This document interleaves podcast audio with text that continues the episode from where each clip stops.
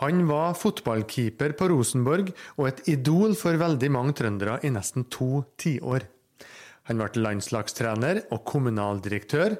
Han var med på å vinne de store kampene, og han fikk gull etter gull rundt halsen. Men livet inneholdt også store tap. Hva tyr man til når både lillebroren og fotballkompisen plutselig avslutter livet? Jeg heter Magne Vik Ravndal. Det her er På trua løs.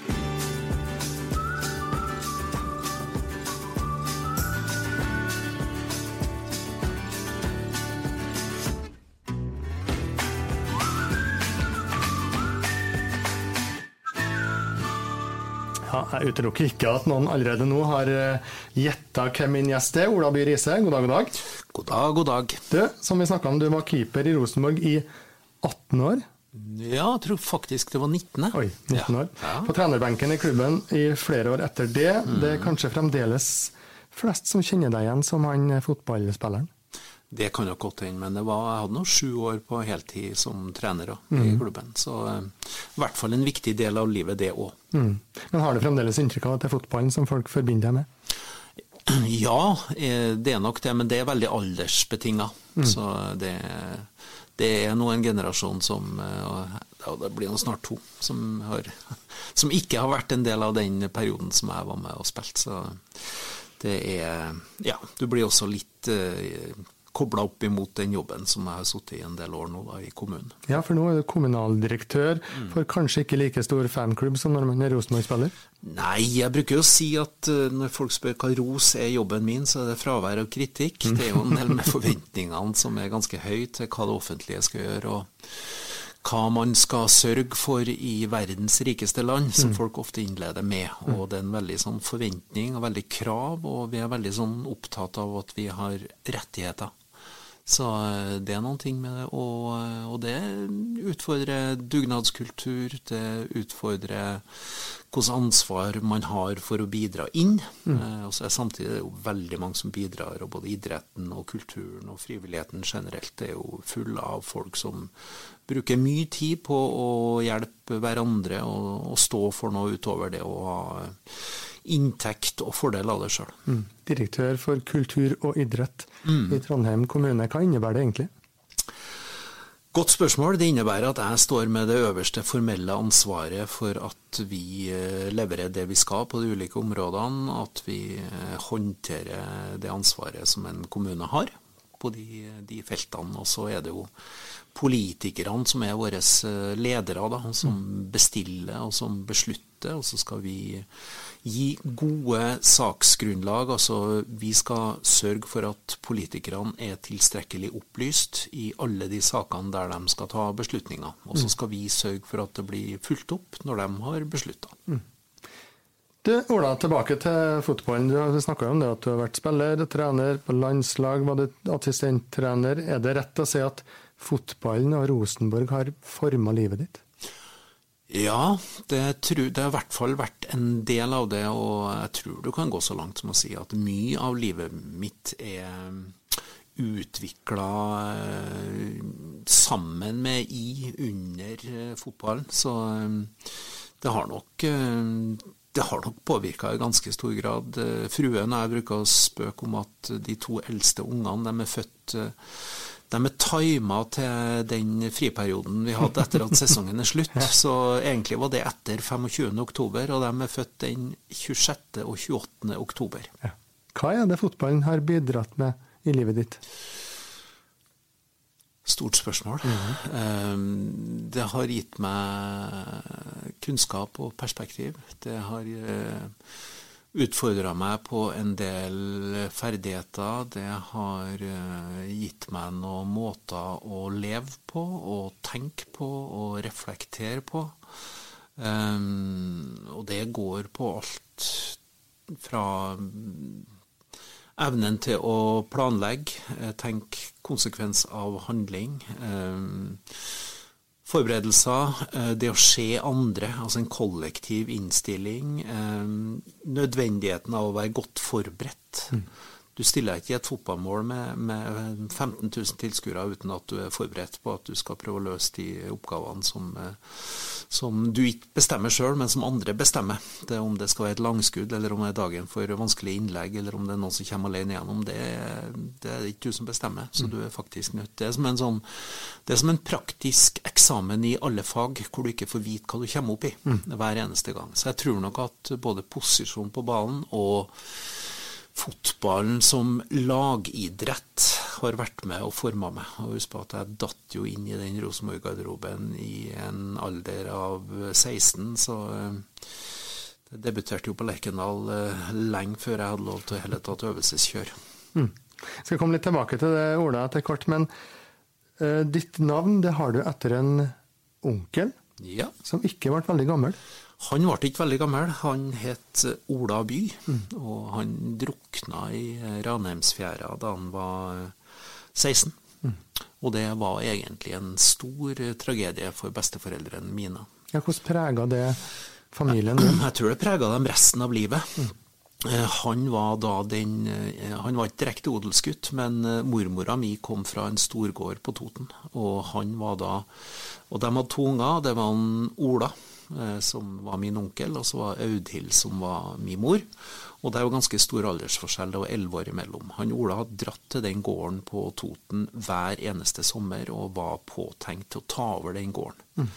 Eh, og konsekvensen av den drukningsulykka i 1946, det var jo at den gården den gikk ut av familien. Og kanskje en pensjonisttilværelse som kårfolk på den gården for mormor og morfar, den, eh, den muligheten, eh, den forsvant. Mm. Mm. En stor sorg, var det en historie som prega den heimen du vokste opp i på Åsvang i Trondheim? Ja, det var det. Og mora mi forteller jo det at når hun var lita jente, så jeg tror nok det oppsto en utrygghet, fordi at hun visste aldri om å komme hjem til en normalt blid mor, eller til noen som, som lå på, på, senga på soverommet og, og, og, skreik eh, og i fortvilelse over å ha mista gutten sin. Mm. Mm. Sju uh, stykker i familien By Riise. Fem barn. Du var eldst. Mm. Hva slags verdier prega familien ellers? Hva var viktigst og tydeligst? Det blir jo forma litt av foreldrene dine og mm. selvfølgelig det miljøet du vokser opp i. Så hadde jo vi i tillegg da, så fikk foreldrene mine bygg på tomta til mormor og morfar i Åsvangveien, og satt med Åsvangskolen på Målt, Strinda. Så vi kunne jo, vi brukte å si at vi kunne springe på slengen ned til mormor. Mm. Morfaren min døde når jeg ble konfirmert, eller like før jeg ble konfirmert. Eh, så, men da mormor overlevde han med 25 år. og hun hun ble jo 96, så jeg hadde jo mange år sammen med hun. Eh, men hun tok nok meg litt under sine vinger og tok oss etter tur under vingene. og Det var vel en del ikke rampestreker, så kanskje tankeløshet i oppveksten min. Så jeg har noe sånn noe vidunderlige historier om at jeg tjuvlånte fyrstikkeske og tente på ei forsøksherse på den forsøksgården på Vold. og Prøvde selvfølgelig å nekte i etterkant, og gjorde en del sånn rampestreker, som jeg vil kalle det. Så jeg tror at mormor var veldig opptatt av at jeg ikke skulle bli noe ramp, jeg skulle bli ordentlig. Så hun, hun tydde til Fader vår og moral ja. når hun snakka til, til, meg, og sikkert til de andre også. Ja. Fortell litt, hvordan gikk de samtalene der? Jo, de, de var en, en litt formanende, omsorgsfull. Jeg eh, vil si at var, hun var nok oppvokst i et eh, kristent, men ikke, ikke nødvendigvis veldig mye kirkegang. Men eh, de var også i kirka jevnlig. Men, men, det hadde veldig med skikk og bruk å gjøre. Du mm. hengte ikke ut klær på søndagene. du du banna ikke, du, du oppførte deg ordentlig, mm. eh, og du, du fulgte, fulgt budene. Mm. Det, det, gjorde du. Mm. Så jeg kunne nok mitt fader vår ganske tidlig, og så er jo det å, å klare å tilpasse det til atferd. Mm. Men jeg tror at mormor faktisk gjorde en, en rimelig bra jobb. Mm. Vil du si at hun var en som også formidla tru inn i livet ditt? Hun formidla kanskje i enda større grad respekt. Mm. Så jeg kjenner at jeg er veldig opp, oppflaska med respekt. Det å respektere tru. Mm. Eh, det å, å, ta ting på alvor, og jeg tror at i meg så er det en tro på noe som er større enn oss sjøl. Eh, men det betyr ikke nødvendigvis en tro på Jesus, men det betyr en tro på verdiene som Det nye testamentet i stor grad eh, står for. Mm. Eh, nestekjærlighet, omtanke for andre. Og i hele tatt respekt for liv, for folk, for andres meninger. Mm. Og jeg må jo si, det høres ut som jeg er oppdratt og oppvokst til mormora mi, men mora mi var veldig opptatt av verdier. og hele tatt foreldrene mine så var det sånn, det var ryddig og Det var ikke bokstavelig talt ryddig, nei, for det var ikke faren min så flink til, men, men det, var, det, var, man skulle oppføre seg ordentlig. Mm. Det, var, det, var, viktig. Mm. Og så kommer vi jo tilbake igjen til fotballen, som også selvfølgelig prega mm. barndommen din. Mm. Fotballplassen Myra. Mm. Strindheim IL, mm. etter hvert Freidig. Eh, mange, mange eh, timer med, med fotball. Eh, var det det som liksom var barndommen? Etter hvert så ble det veldig mye altså Vi, vi drev jo mye aktivitet mm. og frileik. Jeg skrev en kronikk en gang om eh, oppvekst uten hjelm.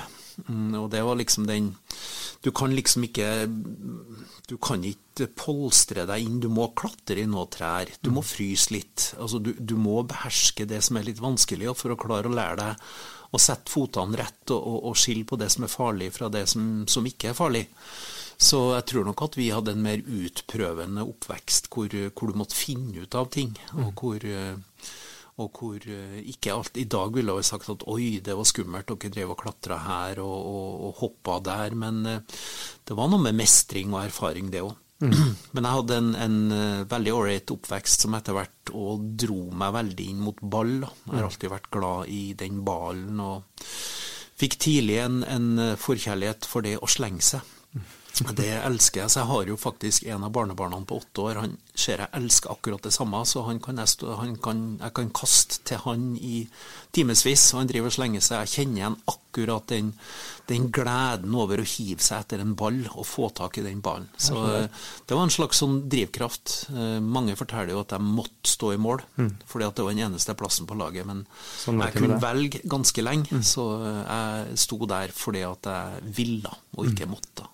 Og den viljen og evnen og mestringa som du snakker om, den førte deg jo, eh, som nevnt tidligere, kjapt til Lerkendal. 16 år, så mm. debuterte du for eh, Rosenborg. Eh, levd guttedrømmen for mange. Mm. Omtalt i aviser. Og igjen da, så skjønner jeg at denne mormora kommer inn og og holder litt ned på jorda? Ja, det var litt uh, morsomt. Jeg hadde jo, sovet med åpent soveromsvindu, og mormor brukte å komme opp og levere, så vi bytta avis. Mm. De hadde arbeideraviser, vi hadde adresser, og så bytta vi halvveis. Så hun kom opp med ferdiglest arbeideravis når jeg skulle opp på skolen om morgenen, og det var etter en kamp hvor det var, eller det var et stort oppslag på to sider om meg. Mm. At jeg kunne bli tidenes yngste eh, keeper i toppserien i Norge. Og jeg fikk ikke den avisa før mormor da holdt en lang preken, vil jeg nesten si, om at uh, her måtte man ha beina på jorda, jeg måtte ikke tro at jeg var noen ting, jeg måtte jobbe hardt, og uh, jeg var ikke noe bedre enn andre, selv om jeg var omtalt her, så det, og før, før jeg hadde akseptert det, så fikk jeg ikke avisa. Så uh, da var allerede podene at høy på pæra, det skal du ikke bli, gutten min. Hva lærte du av det?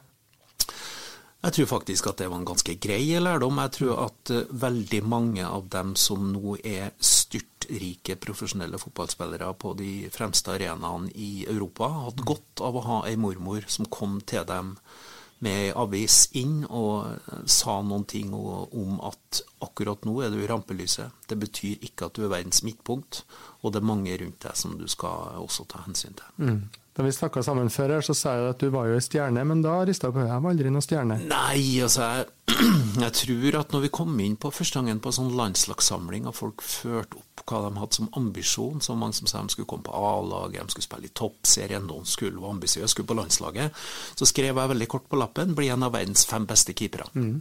Og så kan du si at det målet innser jeg nå at jeg nådde aldri.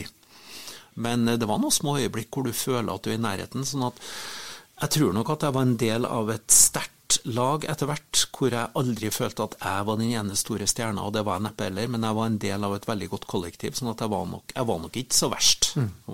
Mm. Tror mange skal skrive under på det. Eh, denne karrieren, i hvert fall hvor hvorom allting er, den eh, fortsetter. Du ble etablert som førstekeeper. Mange vet hvem du er, mange heier på deg.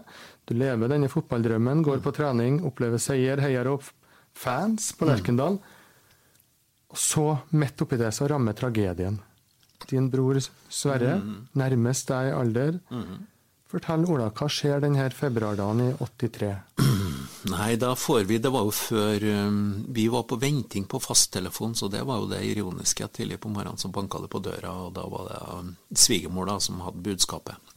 Og Da skjønte jeg hva det var, så da kasta jeg meg i folkevogna og kjørte fra Hundhammeren og over Væresletta og tenkte hvordan løser vi det her? Ja, for budskapet var at Budskapet var at min bror da hadde, var død, og vi skjønte jo at han da hadde Altså budskapet var at han hadde tatt livet av seg. Og det, det var ikke så greit, det, i 1983. Og det var ikke så greit for foreldrene mine, og det visste jeg jo, og det var ikke så greit for noen av oss. Hva tenker Men- du, hva mener du med at det var ikke så greit i 1983? Nei, fordi at eh, nå snakker vi mye åpnere om mange ting. Det er en større grad av fordommer, og jeg tror nok òg at eh, det at eh, unge mennesker har psykiske utfordringer, kan være litt i ubalanse, mm, ikke håndtere livet sånn som de skal, det tror jeg, eller det er jeg ganske sikker på at vi har blitt flinkere til å snakke om, og eh, kanskje ikke bedre til å forebygge, men i hvert fall større grad av åpenhet. Så da er det jo mye som må gjøres, og jeg er jo bare 22 jeg òg. Altså, jeg følte meg ganske gammel da. Vi hadde jo, jeg hadde jo samboer, og vi skulle gifte oss den sommeren. Så, eh, men vi rykka nå inn, og vi gjorde nå det vi kunne, og familien gjorde jo det de, de kunne, dem òg. Men det er klart at uh, gjennom de to episodene fra min onkel og min bror, så gjør det jo noen ting med folk. Og det gjør noen ting med dem som mister barnet sitt. Uh, og det tror jeg Det har man med seg hele livet. Og så er det om å gjøre å så er det om å ikke henge seg opp i dem som er borte, og, og ikke dyrke eh, sorgen for lenge. Eh, Klare å bearbeide, men, men ikke bli værende i sorgen. For at det er alltid noen som er igjen, og som, som det er enda viktigere å vie oppmerksomhet. Så det å klare å avgrense sorg, det tror jeg er ganske viktig.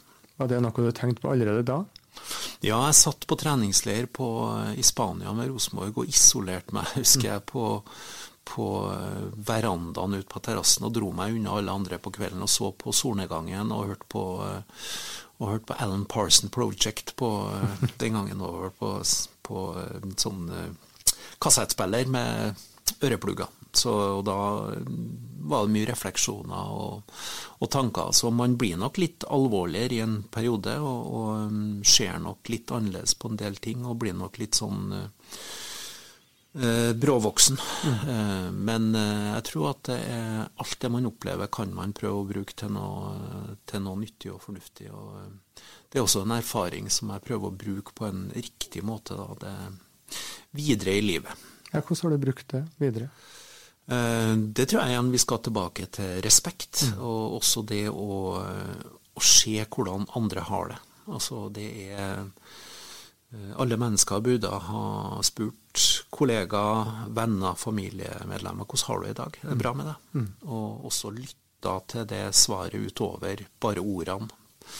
Jeg så, det er ikke så lenge siden at jeg så at du hadde lagt ut et bilde av deg sjøl og broren din, et barnebilde, på sosiale medier. Ja. Tenker du fremdeles på mye Nei, på han? jeg bruker ikke Nei, og meg er det overhodet ikke noe synd på. Men det er jo bortkasta, og det var like etter at vi har vært For vi bruker, fruen og jeg, vi bruker å, å, å se til gravsted, og det er vi som, som gjør det litt nå. da, Passer på at at det ser ut sånn ok, og der er nå steinen til broderen, og så får du noen påminnelser, for at det er det er et, plutselig et vennepar som mister ei datter, og det er noen som opplever akkurat det samme som vi opplevde. og Da, da er det mer en sånn, jeg tror mer en ryggmargsrefleks på en, en påminnelse om at vi, at vi skal gjøre akkurat det som jeg sa nå.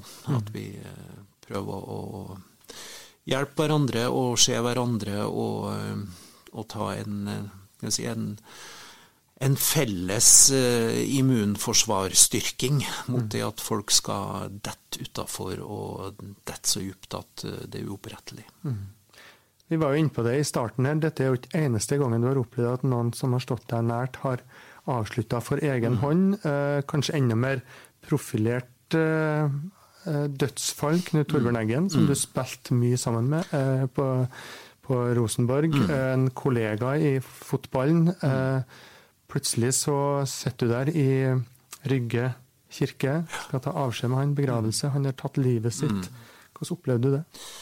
Nei, det var trasig, og det var trasig for alle rundt. Det er jo kjempetrasig for, for samboer og barn og for foreldre. Og, og, Nils Arne sin måte å håndtere det der på var helt Som far? unikt. Mm. Ja, det var helt Han var, var Han håndterte det helt uh, utrolig godt. Mm.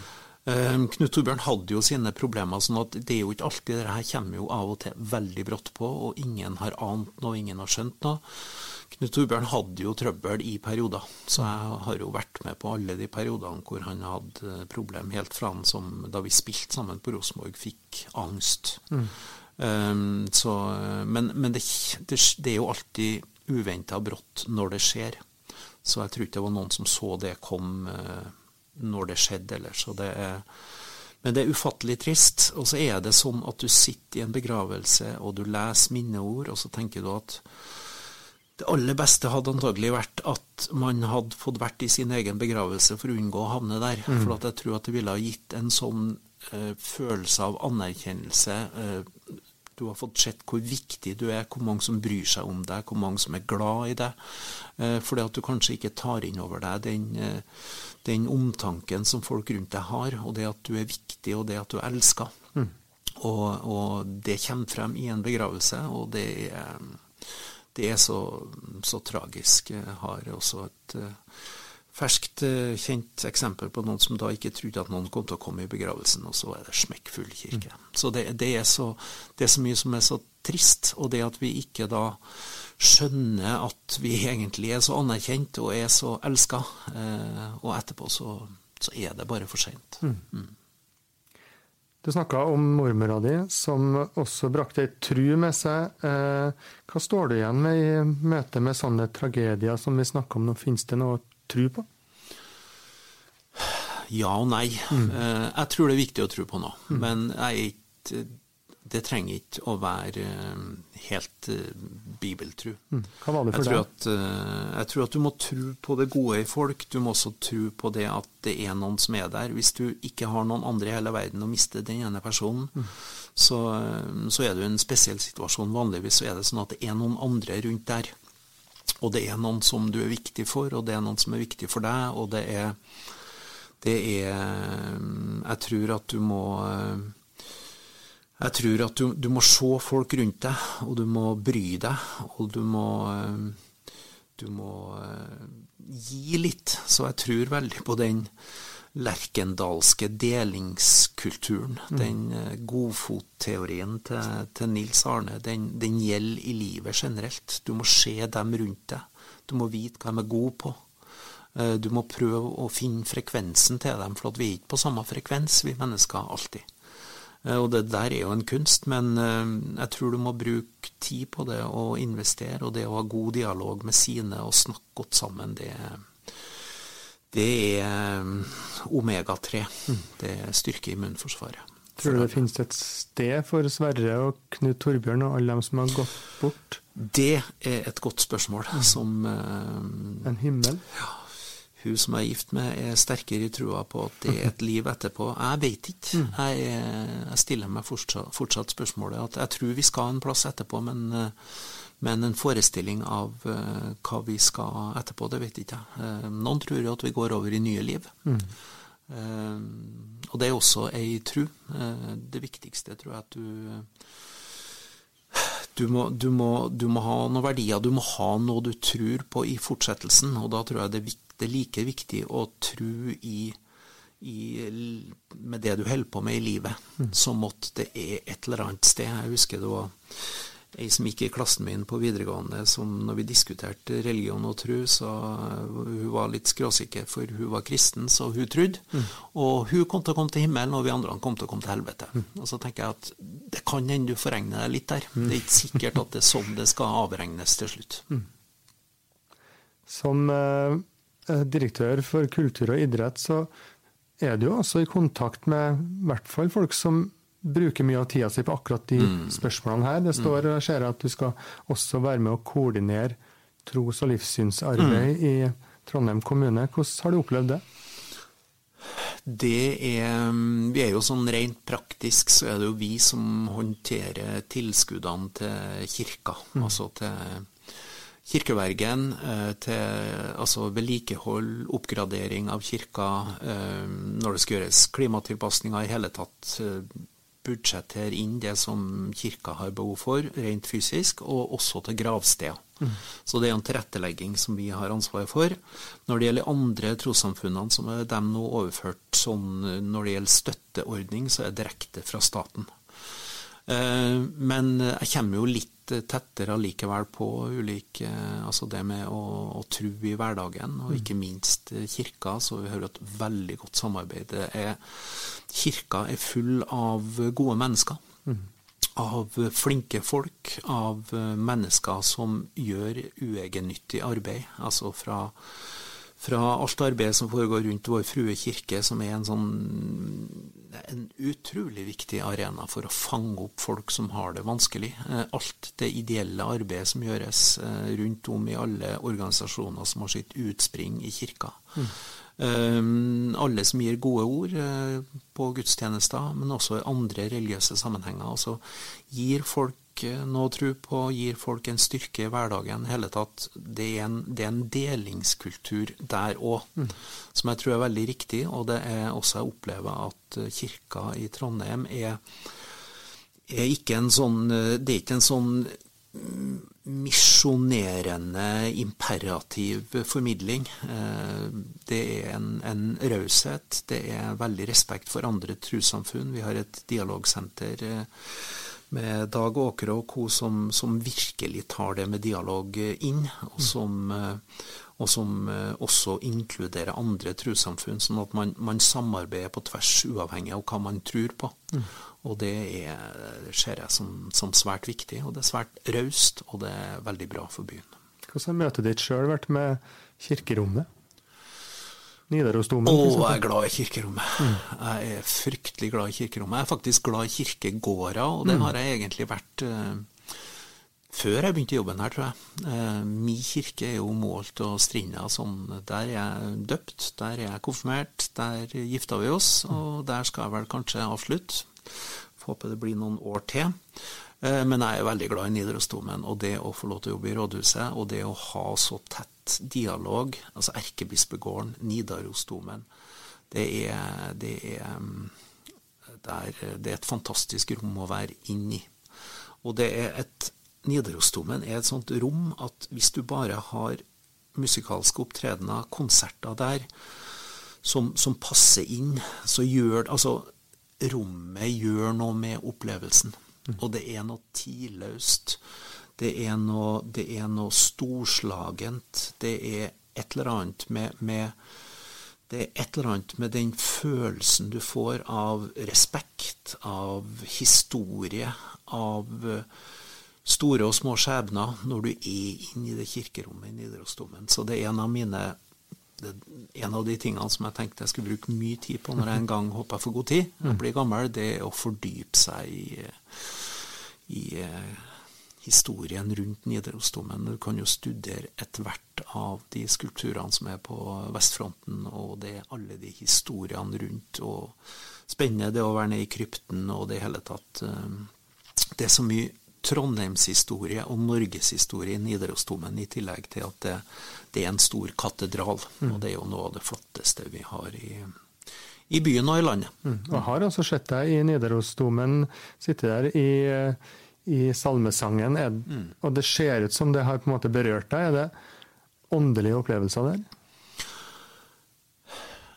Jeg veit ikke om jeg kan dele opp uh, prosentene i opplevelser. Jeg er, jeg, er, glad i sang, glad i musikk. Mm. Eh, jeg syns òg det er veldig sånn Vi har jo flaska opp med noen salmer, noen er med og mange hundre år gamle, ikke sant? og så får du nye salmer inn med nye salmetekster. Det syns jeg var litt interessant å se hvordan de er bygd opp, eh, både rytmisk og, og i innhold. Men eh, det at man synger salmer i kirka, det syns jeg er, er, veldig ok. Og jeg syns også at den fornyingsdimensjonen er, er bra. Mm. Så men kanskje mer respekt, nysgjerrighet, undring enn en sånn uh, klippefast tru. Jeg har jo på landslaget og for så vidt i Rosenborg-perioden og vært mye sammen med Rune Bratseth, og vi delte jo rom på alle landskamper, og vi jeg, jeg, På en måte så misunte jeg litt Rune den, den trua som han da hadde, for det ga han en helt egen ro. Mm. Når jeg kanskje var litt mer usikker på utfallet i fotballkamper, så opplevde jeg at Rune han var trygg. Han. Mm. For det var ikke så viktig hvordan det gikk. Eh, så det, det, er noe med den tryggheten, men jeg opplever at jeg har funnet min egen trygghet, og den er ikke nødvendigvis tufta på akkurat det samme. Mm. Men eh, på spørsmålet ditt, kirkerommet, ja. Jeg, eh, stor respekt, stor opplevelse. Mm. Du, helt til slutt jeg tenkte jeg vi skulle ta en liten sving innom ordet. Det skrevne mm. ordet. Det har liksom mm. inntrykk av at det har fulgt deg. Du har ja. vært du vokste opp som barn av en lærer, og mm. du og som barnebarn av en forfatter, vel. Mm. Uh, og etter hvert har du vært journalist i Adresseavisa, mm. NRK, i flere år. Og det kanskje ikke så mange vet, er at du er en prisbelønt uh, barnebok-, ungdomsbokanmelder. Uh, hva har det betydd for deg? Veldig mye. Jeg tror jeg flaska opp med ei mor som hele tida har framsnakka litteratur og mm. gjort meg bevisst. En morfar som kanskje var mitt store forbilde uten at jeg visste det, og som da skrev bøker. Første han skrev, var om Nidarosdomen, forresten. Ja. Så den har jeg akkurat lest litt i. Igjen så har jeg vært, jeg, vært veld, jeg er veldig opptatt av historie og ord. Mm. Formidling, språk, litteratur, historiefortelling. Eh, både i form og, og i innhold. Mm. Så det har fulgt meg hele livet, og det er kanskje noe som jeg ikke er helt ferdig med heller. Jeg er veldig opptatt av, av språk og fortellinger og historier. Kan du beskrive litt mer hva det gir deg, det dette møtet med språket, med historiene, med litteraturen, med fortellingene? Det, det er jo en formidling, mm. og formidlinga har jo både innhold og form. Eh, så er jeg glad i at formen skal være god. Fordi at formen gir innholdet en mye mer naturlig innramming. Mm. Så, eh, og så blir du litt sånn eh, skal vi si, at oppdager du feil, så kommer noen rødpenner opp i hodet mitt med en gang. For jeg, jeg liker jo at ting er rett. Og det er kanskje en del av den litt sånn perfeksjonistiske dimensjonen som jeg tror du får når du holder på med toppidrett på det nivået som jeg holdt på med.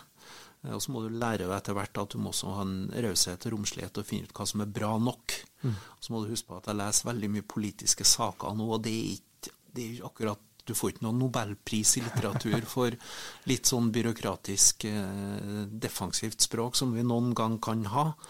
Men jeg er, jeg er glad i, i, ord, i tekst i ulik form, og da er det også historikken i det. Så eh, så fagene mine, i tillegg til fotball og organisasjon og ledelse, det er jo eh, historie, eh, norsk, altså norsk-nordisk og psykologi. Så det griper jo litt over i hverandre, alle de fagene der. Så du har helt rett. Språk og eh, det skrevne er en, en, veldig viktig bit for meg. Mm. Jeg spurte deg om hva som ble formidla viktigst og tydeligst i barndomsheimen din på Åsvang. Hva vil du si er det viktigste og tydeligste for deg i dag?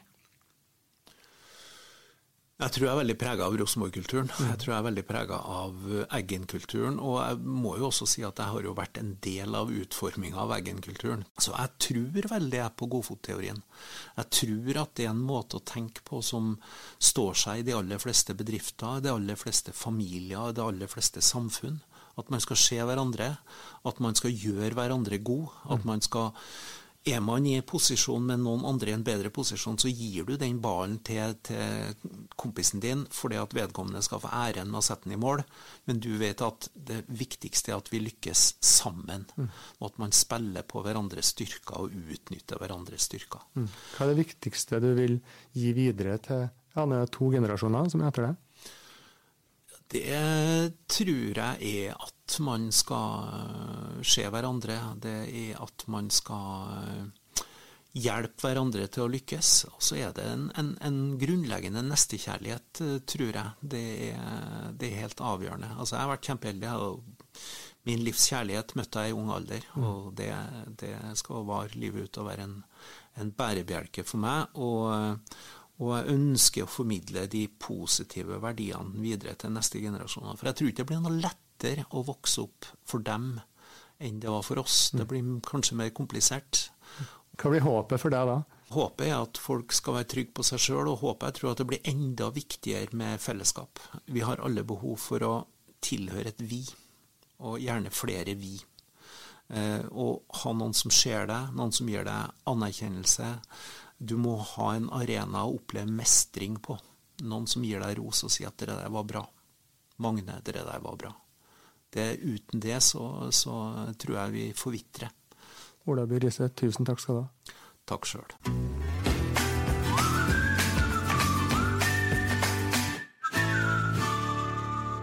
På Trua laus er en podkast fra Nidaros bispedømme. Programleder er Magne Vik Ravndal.